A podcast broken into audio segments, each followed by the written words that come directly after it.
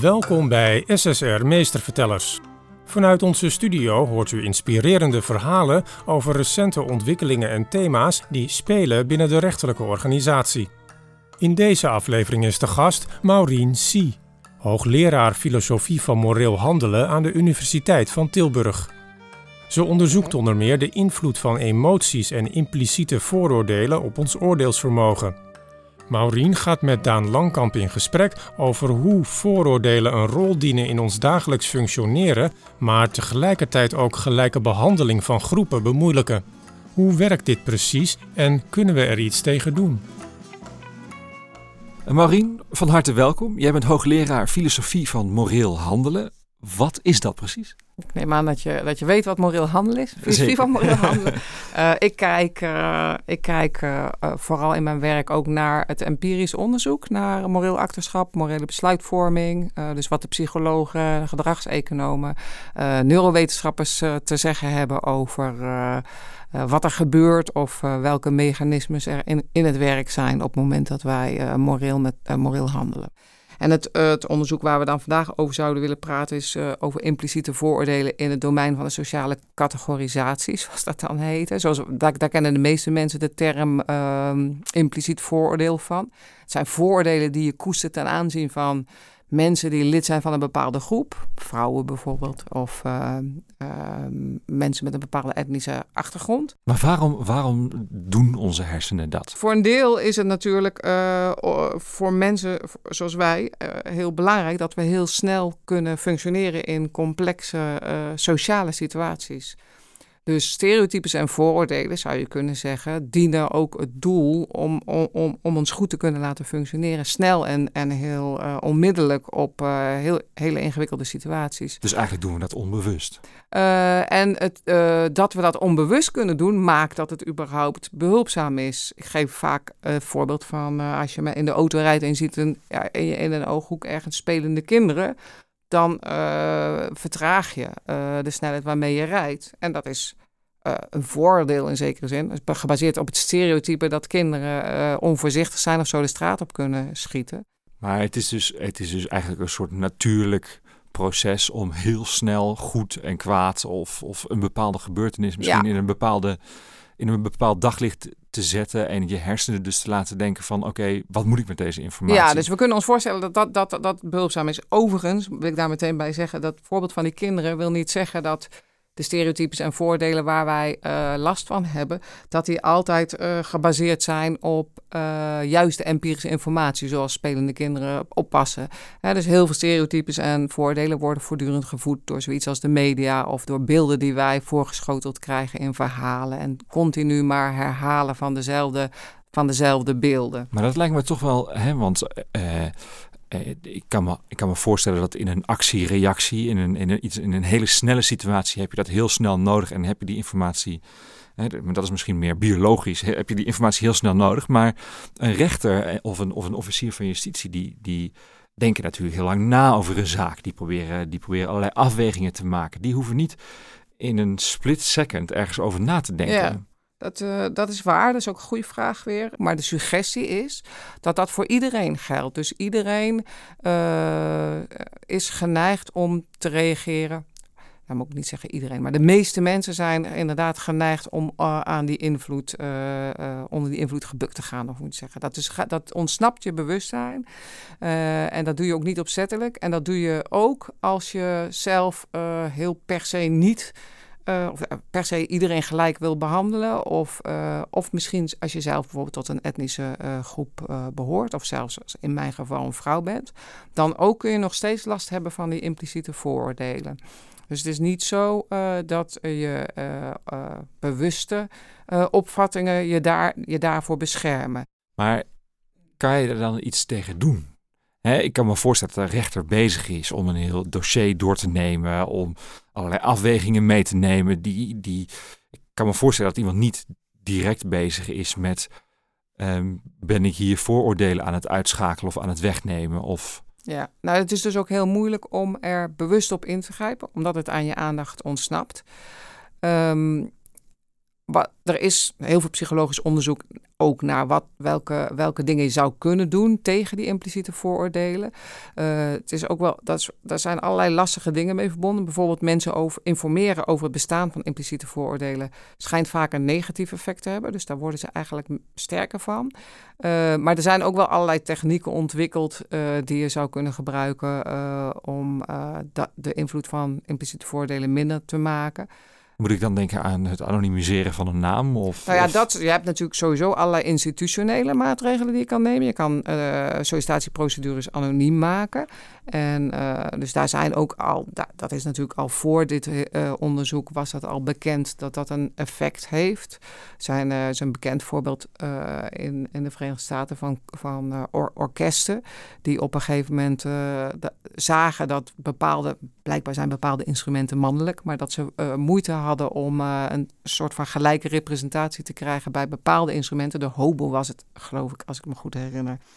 En die zijn toen op een gegeven moment op eigen initiatief begonnen met uh, sollicitatie. Ja, het zijn geen gesprekken, maar sollicitatie voorspelen om dat anoniem te maken. Zelfs tot aan uh, dat de mensen die kwamen solliciteren hun schoenen uit moesten doen. Zodat ze niet kon horen of dat een vrouw of een man was. En dat bleek inderdaad effect te sorteren. Binnen no time was dat probleem over. Dat ze voor de moeten we, dan ook, moeten we dan ook een, een, een verdachte uh, niet meer tonen. En heel veel, heel, heel veel, komt, en heel veel, en heel veel contrai kan het niet. Maar, wat ik ook graag wou zeggen is, je, kunt, je kunt natuurlijk op het gebied van stereotypen proberen die te verminderen. Dat zie je, dat is, dat is een van de redenen, dit soort onderzoek is denk ik een van de redenen waarom mensen zo scherp ageren tegen het voortdurend herhalen van stereotypen in de media bijvoorbeeld. Um, en ik vind het ook belangrijk om te zeggen van ja, je kan naar psychologische oplossingen zoeken. Of je kan uh, uh, in de psychologische literatuur allerlei oplossingen vinden. Maar uh, dat maakt het probleem weer heel klein. Alsof je ehm, uh, goed, we, we, hebben iets wat mis is, dan gaan we nu even repareren. En ik denk dat uh, juist het interessante aan dat onderzoek is om even om, om na te denken over wat het ons vertelt over hoe wij functioneren. En dus een van de dingen die ik in mijn werk heb proberen duidelijk te maken, is dat we ons moeten realiseren dat wij, moeilijk woord, actor in transparant zijn. Dus dat het voor ons heel moeilijk is om naar de, de aandacht naar binnen te kijken, uh, te, te richten en daar te zien wat er gebeurt. Dus bijvoorbeeld met die, in, uh, die impliciete vooroordelen, uh, je bewustzijn van het feit dat we de wereld op een bepaalde manier lezen en dat er allerlei invloeden op ons werken die wij niet in de gaten hebben, dat is denk ik al het halve werk van, uh, pro van proberen uh, eerlijker of mensen gelijker te behandelen. Maar dat is dus echt dat bewustzijn. Het is een soort bewustwording. En, en ook als je het over impliciete vooroordelen hebt, uh, zijn er ook andere verschijnselen die in de literatuur, in de empirische literatuur, belicht worden. Um, dat wordt vaak aangeduid met de term microagressies of micro-inequities, uh, dus micro-onrechtvaardigheden. Uh, en dat, dat trekt de aandacht eigenlijk voor een verschijnsel wat hiermee samenhangt. Is dat als wij, dus in heel veel van onze omgangsvormen, worden wij ook geleid door bijvoorbeeld hoe iemand eruit ziet. Uh, en uh, um, stellen dan op zich vriendelijk bedoelde vragen, zoals, uh, of, of vriendelijk bedoelde opmerkingen, zoals waar kom je vandaan, is een vriendelijk bedoelde vraag. En de opmerking, god, wat kan jij goed Nederlands spreken, of wat, wat, wat, wat, wat, wat haal je goede cijfers. Maar als dat iemand elke keer gebeurt, en dat, nou heb ik het over iemand die bijvoorbeeld van etnisch Marokkaanse achtergrond is en, en aan wie je dat kan zien. nou, één keer zo'n vraag stellen is gewoon aardig bedoeld, maar als dat je voortdurend gebeurt, zeg maar, dan krijg je ook voortdurend eigenlijk de boodschap gecommuniceerd van um, wij zien jou niet als iemand die hier hoort. Nee, weet ik, Verwacht jou, ik verwacht van jou dat jij geen, geen of weinig Nederlands spreekt. Ja, dus moet je je voorstellen dat, dat, dat, dat, dat, jou dat zou overkomen. Dan, uh, je bent hier geboren en mensen complimenteren je voortdurend met hoe goed je Nederlands spreekt. Dat is gek.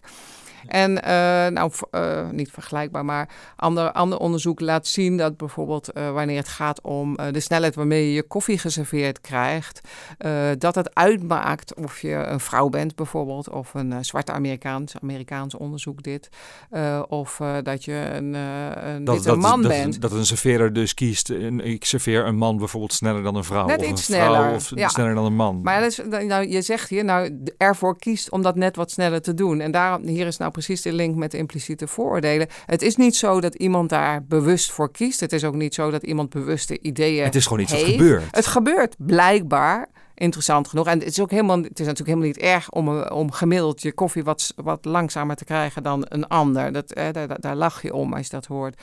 Maar wat het wel communiceert, dat onderzoek, is dat blijkbaar hoe je eruit ziet en eh, tot welke groep je behoort, maakt uit voor je interacties met mensen, zelfs op een heel klein niveau. Deze podcast wordt natuurlijk gemaakt voor mensen met een juridische achtergrond, voor mensen die onderzoeken doen of, of politieonderzoeken beoordelen, hè, emmers, rechters. Ehm, voor hen maakt er dus heel veel uit uh, hoe bijvoorbeeld een verdachte in beeld komt. Of eh, blijkbaar, hè, wat ik me dan kan voor, van voorstellen, is dat een verdachte de rechtszaal binnenkomt en dat bijvoorbeeld een rechter in een splitseconde zonder dat hij het zelf doorheeft, dus eigenlijk een heleboel vakjes gaat invullen zonder dat hij dat misschien wil. Ja, ja, je trekt het weer een beetje naar het cognitieve. En ik denk, die, die neiging is heel groot. En ik denk dat we, nou ja, bijvoorbeeld uit Amerikaanse series weten we al wel dat het belangrijk is als verdachte om een net pak aan te trekken. Dus heel veel van dat soort uh, ideeën hebben we ook in de omgang. Hè. We zullen ook iemand adviseren als hij gaat solliciteren van uh, zorg dat je haar gewassen is. ik, ik, noem maar wat dat we weten natuurlijk dat we allerlei dingen oppikken en dat mee laten wegen in een oordeel. Ook al doet het er niet toe of iemand zijn haar niet gewassen heeft of dat hij goed functioneert of niet. Maar het zegt wel iets over iemand. Dus, maar wat ik denk, wat interessant, wat interessant is aan dat onderzoek waar ik me dan mee bezig hou, is dat het, um, het, het, het juist eigenlijk omzeilt die bewuste gedachte. Het is een direct effect. Als dat inderdaad zo is, en als dat ook gebeurt met uh, mensen die je in bepaalde categorieën onderverdeelt, dan is dat natuurlijk problematisch op heel veel vlakken dat we ook elkaar inderdaad, uh, dat we elkaar niet neutraal uh, kunnen beoordelen. Geldt dit voor iedereen? Doet iedereen dit?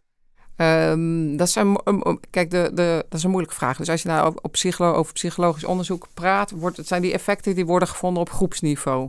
Dus het kan uh, zijn, en gaf dat al eerder in het gesprek al een beetje aan, dat sommige mensen zijn er minder gevoelig voor dan anderen. Als je heel extreem gecommitteerd bent om iedereen gelijk te behandelen, dan schijn je minder uh, last te hebben van impliciete vooroordelen. Het onderzoek naar impliciete vooroordelen is volgens mij zo interessant, omdat het in zekere zin ook een optimistische boodschap uh, communiceert. Namelijk, als het zo is uh, dat uh, hoewel we elkaar gelijk willen behandelen, we toch beïnvloed worden door uh, lidmaatschap van een bepaalde so sociale groep. Onbewust, dan is het ook verklaarbaar waarom stereotypes en voordelen nog zo hardnekkig allerlei resultaten beïnvloeden. ondanks dat wij wel gecommitteerd zijn om mensen gelijk te behandelen. Wat vind je daarvan? Hè?